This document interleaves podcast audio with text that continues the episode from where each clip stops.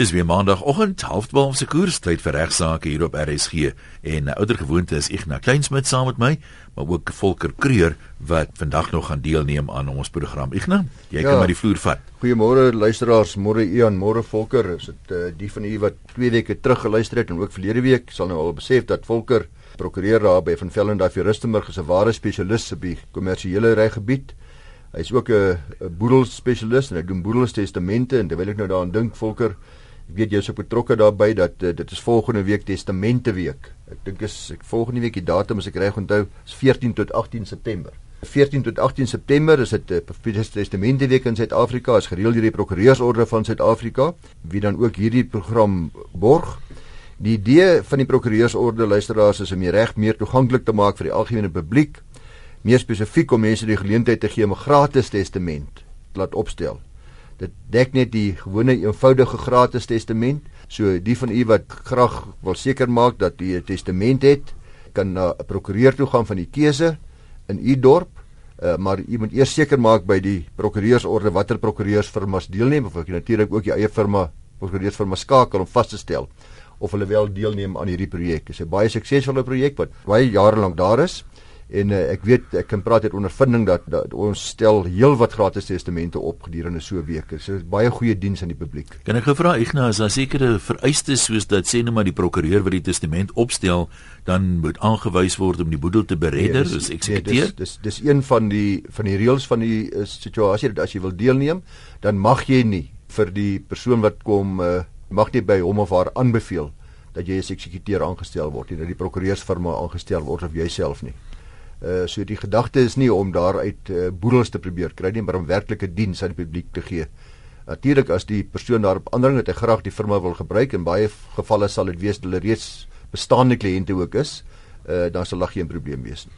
Reg, ons gesels verder. Ja, volker ons gaan weer praat oor kommersiële reg. Ons het nou uh al heelwat gesels oor die verkoop en verkoop van onroerende eiendom en ook besighede en al die slaggate wat daar mag wees. Maar 'n ander dispuut waarvan mense dikwels hoor, is wanneer daar 'n kooptransaksie was, veral van huise, ja wanneer die koper dan intrek en okupasie neem van die eiendom, dan vind hy uit dat daar uh, baie mooi verbeteringe wat hy gedink het ingesluit het, ingesluit was by die koop, verwyder is deur die verkoper. Dink byvoorbeeld aan 'n dakwaaier, 'n DStv skottel, blinders wat daar was, broodbome wat in die tuin gestaan het, 'n ingeboude kroeg ensovoorts.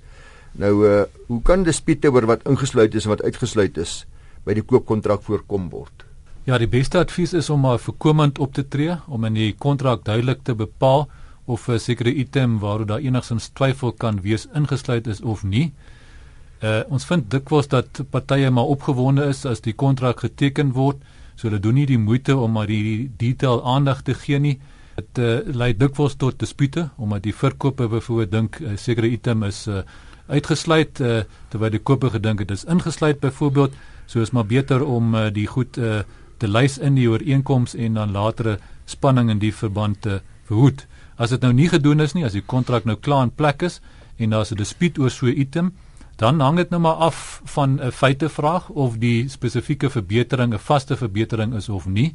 Ons reg bepaal en daar's nogal klompie hofsaake daaroor dat 'n mens moet kyk na die bedoeling wat die ver, wat die um, persoon gehad het wat die verbetering aangeheg het aan die eiendom. Daar word byvoorbeeld ook gekyk na hoe maklik dit verwyder kan word veroorsaak dit skade as die item verwyder word en so meer so 'n mens moet dan na elke feite geval kyk om te bepaal of dit 'n permanente aanhegting tot die eiendom was wat dan beteken dis saam met die eiendom verkoop uh, of uh, nie. So ehm um, dit is maar die proses wat 'n mens moet volg as die kontrak nie daarvoor voorsiening maak nie, maar ja, weer eens die beste advies is om maar liewers te sorg dat dit nie ooreenkoms bepaal word. Ek dink 'n uh, goeie voorbeelde volker van die toets wat jy nou vir ons mooi verduidelik het is byvoorbeeld die verskil tussen 'n uh, die persiese mat wat los in die sitkamer lê of die volvloer mat waarop hy lê. Die volvloer mat is duidelik 'n uh, vaste aanhegting. Hy's pas gemaak vir die vertrek. Hy's deel van die van die huis. Terwyl die persiese mat beslis nie deel daarvan is nie. Hy's 'n los mat. Ander goeie voorbeeld wat hulle in die hof verdraai gemaak het, is die kwessie van die die ingeboude kroeg met sy ses stoele. Nou is die argument maar die ses stoele is al los. Ek kan minstens die ses stoele vat. Ek los die kroeg daar maar ek vat die ses stoele. Die hof het gesê nee. Hy sê stoele is baie duidelik die bedoeling is deel van die kroeg. En daai reëling waarop jy met jou voet staan. Baie belangrike daai reëling is 'n reëling. Vasstra plekkie. Uh, en uh, so maar ek dink mens moet maar soos Volker sê, sorg dat daar 'n behoorlike lys gemaak word. Wat ook gebeur Volker is dat uh, die verkoper sê moenie bekommerd wees nie. Daai daai deur wat nou wat nou stikkend is, ek gaan hom nog regmaak. En, en moenie bekommerd wees oor die wat ek nog die, die herstelwerk is wat ek gaan doen nie. Uh, ek kom volgende week nog of volgende maand sal ek sorg dat iemand dit kom herstel. Uh, dit kry jy gereeld. Wat is jou advies daar? Ja, ek sou dit ook maar probeer vir my, uh, want dit gebeur ongelukkig gereeld. Jy verkoop nie sy beloftes nakom nie en dan is daar nou weer dispute of daar was ook 'n uh, misverstand oor presies wat hy nou sou regmaak en hoe mooi hy dit sou regmaak en so meer. So probeer liewers te vermy om uh, sulke beloftes deel te maak van die ooreenkoms. Kom dan liewers bietjie af met die koopprys. Laat die koper liewers bietjie minder betaal en dan uh, maak hy self die goed reg. Volker na aanleiding van 'n vorige program het ons nou reeds briefies gekry wat uh, van mense wat bekommerd is, hulle bedryf hulle besigheid in die naam van 'n beslote koöperasie. Hulle het nou gehoor dat die nuwe maatskappywet nou nie meer vir beslote koöperasies voorsiening maak nie. En hulle is nou bekommerd wat wat word nou van hulle BKs? Dis uh, nie probleem nie. Die bestaande beslote koöperasies kan voortgesit word. Daar kan net na die inwerkingtreding van die nuwe maatskappywet nie nuwe uh, BKs gestig word nie. Nou op dieselfde punt is dit 'n goeie idee om die besigheid in die naam van 'n BK vir maatskappy te bedryf in plaas van jou persoonlike naam? Ja, ek uh, dink nogal dit maak sin. Uh dis maar uit 'n risikobestuursoogpunt 'n afsonderlike regspersoon wat jy dan gebruik vir die besigheid. So as dinge sou skeefloop en uh, skuldeise sou toeslaan en daar's dalk selfs insolventie te sprake, dan as 'n algemene reël is jy nie persoonlik aanspreeklik vir die skulde van die BK en of die uh, maatskappy. Daar's natuurlik sekere uitsonderings op hierdie reël soos waar jy borg geteken het of die BK roekeloos bestuur het en so meer, maar as 'n algemene reël is jy nie persoonlik aanspreeklik vir die BK of die maatskappy se skulde nie. So dit is 'n manier om daarom jou persoonlike uh, boedel tot 'n mate te beskerm. Wat van 'n trust kan mens jy besigheid in naam van 'n trust bedryf? Ja, dit kan wel gedoen word, maar uh, my advies is normaalweg om nie 'n trust daarvoor te gebruik nie. Uh, ek dink 'n BK of 'n maatskappy is definitief 'n beter struktuur. Uh, ek beveel dikwels aan dat 'n mens maar jou nie riskante bates soos onroerende eiendom en aandele en so meer in jou trust hou en eerder 'n uh, BK of maatskappy gebruik vir die bestuur van uh, jou besigheid uh, as sulks. As ons nou praat van 'n BK 'n maatskappy, praat jy net van 'n bestaande BK, nie nie wanneer jy 'n besigheid wil koop nie. Dis reg, ja. Net net 'n maatskappy wat dan ter sprake kan wees. Ja, mens kan nie meer nuwe uh, BK stig nie soos ons nou nou gesê het, so uit die aard van die saak gaan 'n mens net as jy 'n nuwe maatskappy wil gebruik vir jou besigheid of 'n nuwe regspersoon wil gebruik vir jou besigheid, gaan jy net 'n maatskappy kan gebruik, nie 'n nuwe BK kan gebruik nie. Kan ek gou vra Volker sê nou 'n besigheid word bedryf uh, as 'n BK en ek wil daai besigheid koop, kan ek die BK koop en net die lede van die BK verander? Uh met ander woorde, ek weet nie presies wat die ja, terminologie ja. is nie, is dit moontlik? Lede belange hoor. Ja. Ja, dis 'n goeie vraag. Ehm um, dit is wel moontlik, maar is myns insiens uit 'n koper se oogpunt nie 'n goeie idee nie. Die probleem is maar dat daar altyd geraamtes in die kas kan wees. Die uh, eh, BK kan dalk uh, skulde hê wat nie geopenbaar word in die koopkontrak nie. Uh byvoorbeeld kan dit wees dat die ontvanger nie betaal is uh, nie en so meer en uh, as jy die ledebelang van die BK oorneem of die aandele van die maatskappy oorneem, dan gaan jy met daai tamaletjie sit. So jy neem die geraamtes ook oor. Dis reg. Terwyl as jy die besigheid as sulks koop, dan uh, kry jy skoonbate of die eiendom as sulks koop, dan kry jy skoonbate uh, onafhanklik van enige skuldeisers wat uh, dalk te sprake mag wees. So dit kan gedoen word uit 'n regsoogpunt. Dit word ook soms uh, oorweeg deur 'n koper uit 'n uh, belastingoogpunt. Daar's uh, byvoorbeeld uh, dalk 'n opgeloopte verlies in die BK of die maatskappy wat hy graag wil oorneem om daai belastingvoordeel te bekom, maar mens moet verstaan as koper jy vat dan 'n kans. Uh, jy uh, gaan dan moontlik met die skuldeisers sit wat jou aanspreeklik gaan hou. Jy het natuurlik altyd 'n kontaktuele eis teen die verkoper vir skadevergoeding as daar dalk sulke skuldeisers sou uh, vorendag uh, kom, maar dit is nie 'n verweer teen die skuldeisers as sulks. So as SARS daai geld van jou eis, daai belasting van jou eis, gaan jy moet betaal en dit nou maar weer moet probeer eis van die verkoper. So dan is dit noodwendig iets te spaar, sê net maar onroerende eiendom vorm deel van die bates van die maatskappy wat jy koop, jy nou kan sê jy spaar op oordragskoste en hierdie dinge as jy die BK net so oorneem nie. Daar is uh, daar 'n onderskeid te tref tussen kommersiële eiendomme en residensiële eiendomme. In die geval van uh, kommersiële eiendomme gaan jy nie huurregte hoef te betaal as jy die uh, ledebelang in die BK oorneem of die aandele in die maatskappy gaan oorneem. By residensiële eiendomme, so daar's wel 'n potensiële besparing wat uh, moontlik te sprake kan wees. By residensiële eiendomme werk dit egter anders. Dit was 'n uh, klompie jare terug nie so gewees nie. Klompie jare terug kon 'n mens byvoorbeeld die ledebelang in 'n BK oorneem wat eiendom besit om daardie heerregte vry te spring. Maar hulle het toe die wetgewing verander sodat 'n mens nou nog steeds heerregte betaal. So dit gaan ongelukkig nie besparing teweegbring nie. Ek weet nie die luisteraars sal dalk onthou mense het klompie jare terug gereeld advertensieborde gesien waar die ouens gesê het hoor die eiendom word deur 'n BK besit, daar's geen heerregte betaalbaar en so meer. Ek onthou dit ja. Ja, hmm. maar dit werk nou nie meer so nie by residensiële eiendom gaan jy nog steeds heerregte moet betaal. Volker, kom ons sê byvoorbeeld uh, Philip Snyman koop 'n restaurant by Sam van Rensburg. Sam wil liewer sy eie personeel aanstel. Uh nie die van Philip oorneem nie hy het byvoorbeeld 'n vriend Latie wat 'n goeie kok is, baie goeie kok en hy wil graag daai vir Latie aanstel as 'n kok by sy nuwe restaurant en uh, daarom het voel hy dat hy moet maar uh, die bestaande kok se diens beëindig. En hy probeer dit ook doen, tree regmatig op. Uh, ek gaan nee, ek dink nie so nie. Uh, artikel 197 se artikel 1 van die Wet op Arbeidsverhoudinge 66 uh, van 1995 is relevant.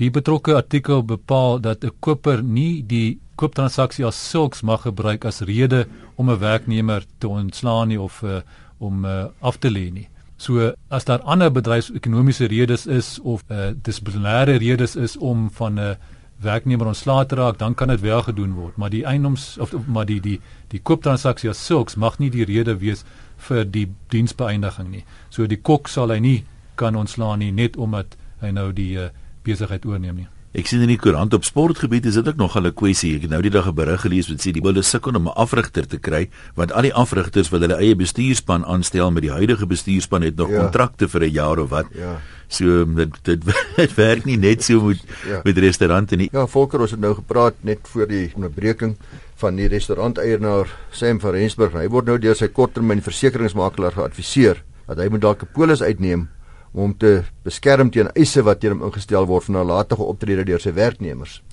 Nou uh, hy skat ryk uit 'n drywer wat hom ronddry om voorraad aan te koop en ander take te verrig vir sy restaurant.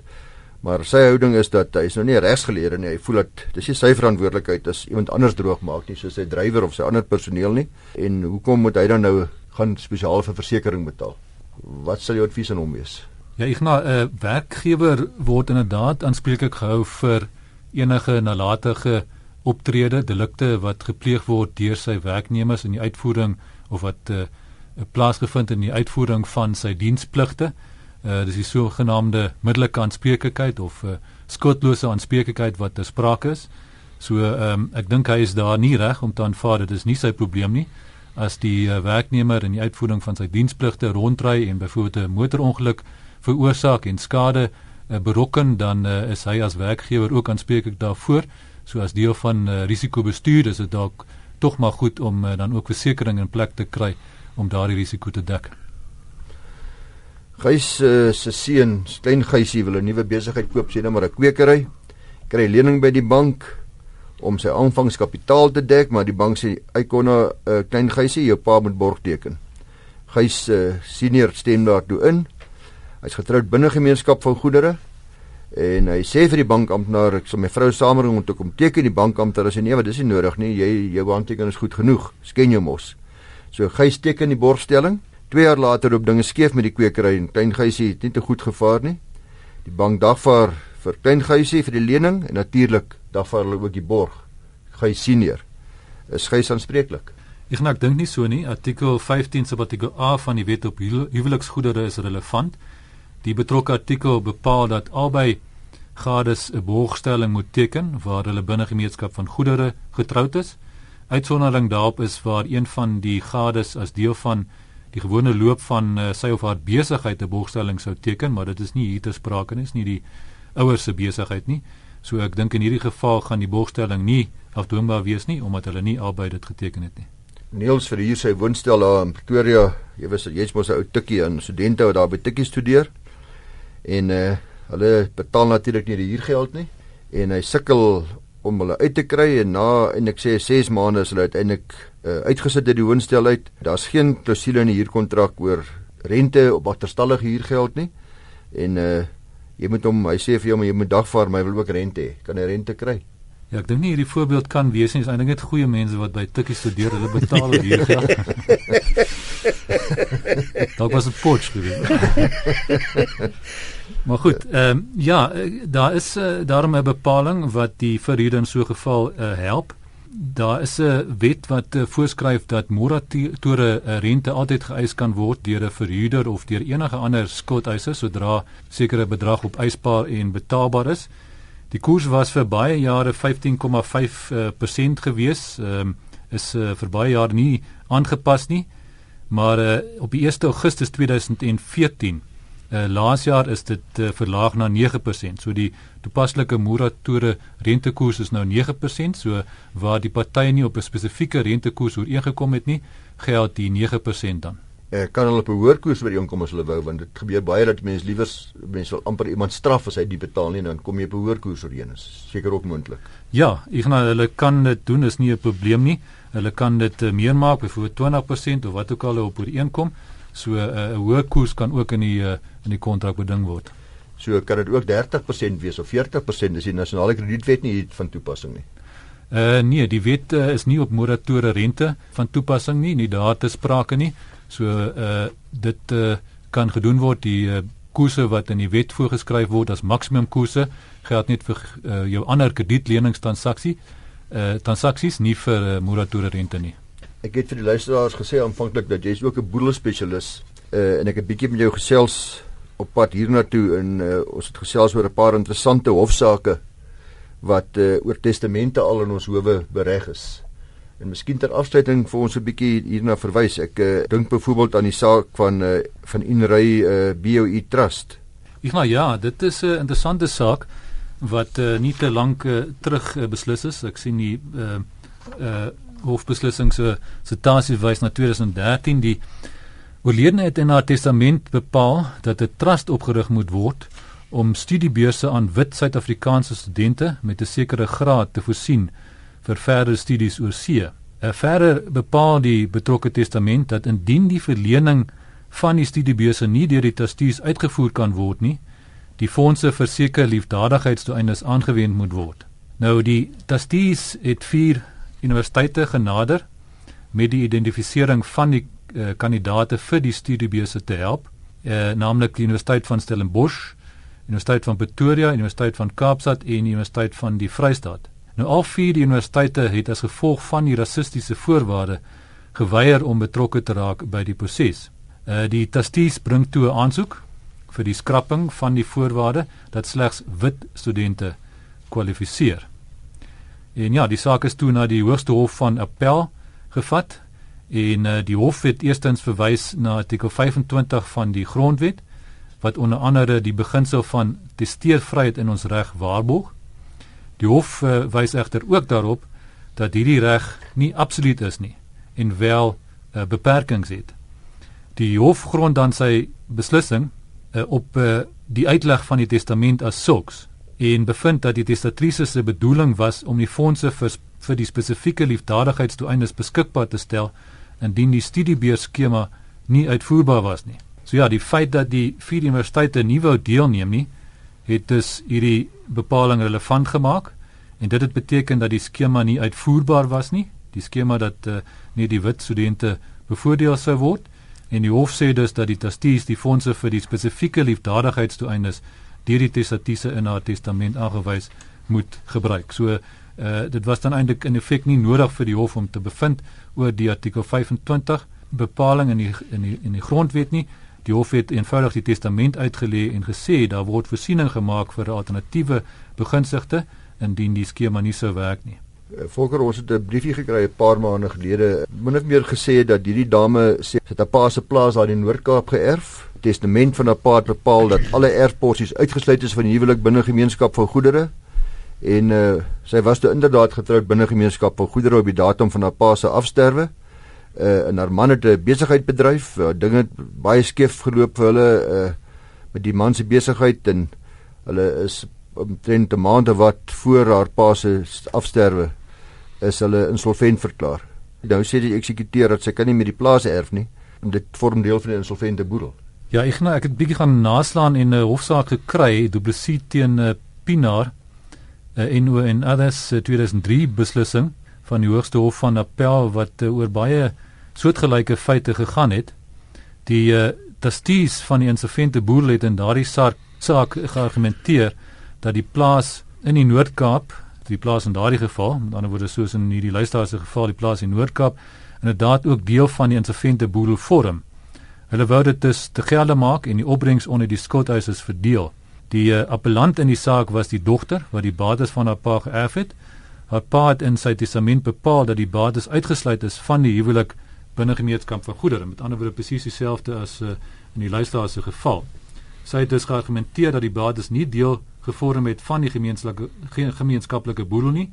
Die bates kan dus volgens haar ook nie deel vorm van die insolvente gemeenskaplike boedel nie. En wat het die hof bevind? Ja, ongelukkig vir haar het die hof nie hierdie argument aanvaar nie. Die hof bevind dat albei partye wat gades binne gemeenskap van goedere getroud is, aanspreeklik is vir die skulde van die gemeenskaplike boedel. Uh so die gevolg daarvan is dat alle bates van albei partye, met ander woorde van die uh, gemeenskaplike boedel, vatbaar is vir beslaglegging. So die spesifieke bate uh in ons voorbeeld sou ook deel vorm van die insolvente boedel Dit is natuurlik slegte nuus vir die erfgenaam en goeie nuus vir die skothuisers van die insolvente boedel.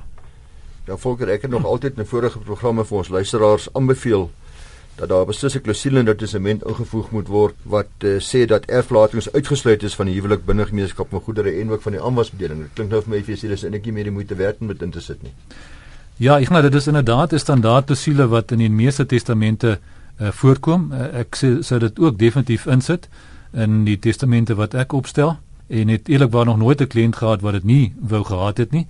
Uh die effek van so 'n klousule in 'n testament is dus eintlik slegs dat die ander gade nie vooruit voordeel daaruit kan trek nie. Die die ander gade kan dit natuurlik wel weer van die erfgenaam erf in gevolge dise testament of die intestate erfopvolging tot dan het uh, hy of sy egter geen aanspraak daarop nie. Dit is natuurlik veral relevant waar die uh, erfgenaam sou skei. So daar's geen beskerming vir insolventie nie, soos ons nou gehoor het uh, in aanleiding van daai duplisie hofsaak, maar wat die uh, uh, egskeidingsscenario aanbetref, is dit nog steeds 'n goeie idee om so 'n klousule in 'n testament in te sit. Dink dit sal ook interessant wees vir ons luisteraars om die saak van uh, Jordaan Enho versus Lustig en ander die 2007 bekende saak te bespreek waar die oorledene vergeet het luisteraars om 'n polisbenoeming te verander waar hy 'n nuwe begunstigde moes aanwys ten spyte van 'n ooreenkoms dat hy dit sou doen. Nou nou nou sterf hy is nou dood. Ja, ek nou ehm um, die feite uh, in daardie saak is uh, interessant. Uh die eiser was 'n sekere Gerald uh, Louis Jordan, die hele rekenmeester en ook die eksekuteur van sy boedel wyle uh Gerald Louis uh, Jordan uh se boedel. Hy het vir 'n hofbevel gevra dat Liberty Life die opbrengs van 'n sekere lewensversekeringspolis uh, aan die boedel betaal en nie aan die genomineerde begunstigde nie, die uh, eerste verweder nie. Dis lustig.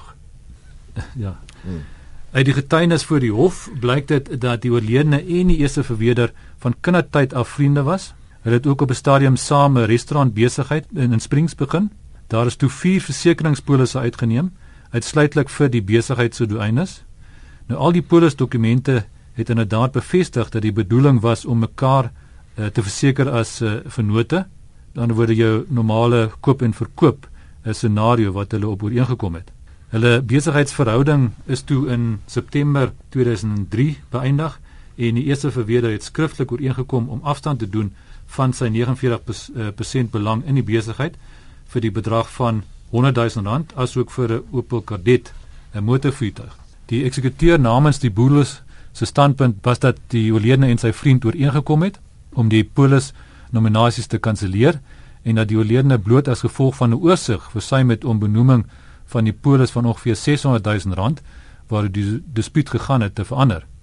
Nou die eerste verweer het weer geargumenteer dat daar nie so 'n ooreenkoms was nie en dat hy nog steeds as 'n uh, begunstigde geregtig is op die opbrengs. Wat sê die hof toe? Ja, die hof uh, fokus in sy uitspraak hoofsaaklik op die feite dispuut Die uh, regter evalueer die verskillende getuienis en kom tot die gevolgtrekking dat die eiser se getuienis betroubaar en uh, eerlik was en in alle wesenlike aspekte mekaar ondersteun. Uh, aan die ander kant sê die hof dat hy glad nie beïndruk was met die eerste verweerde se getuienis nie.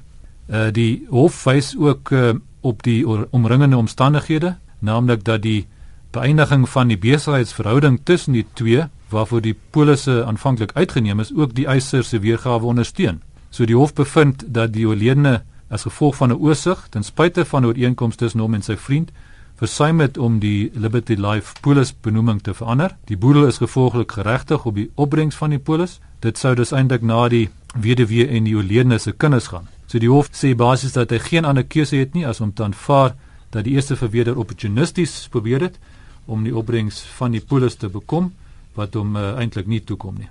Ons moet 'n streepie trek daar. Ek sê vir julle baie baie dankie. Regsaake word soos gewoonlik moontlik gemaak deur die Prokureursorde van Suid-Afrika.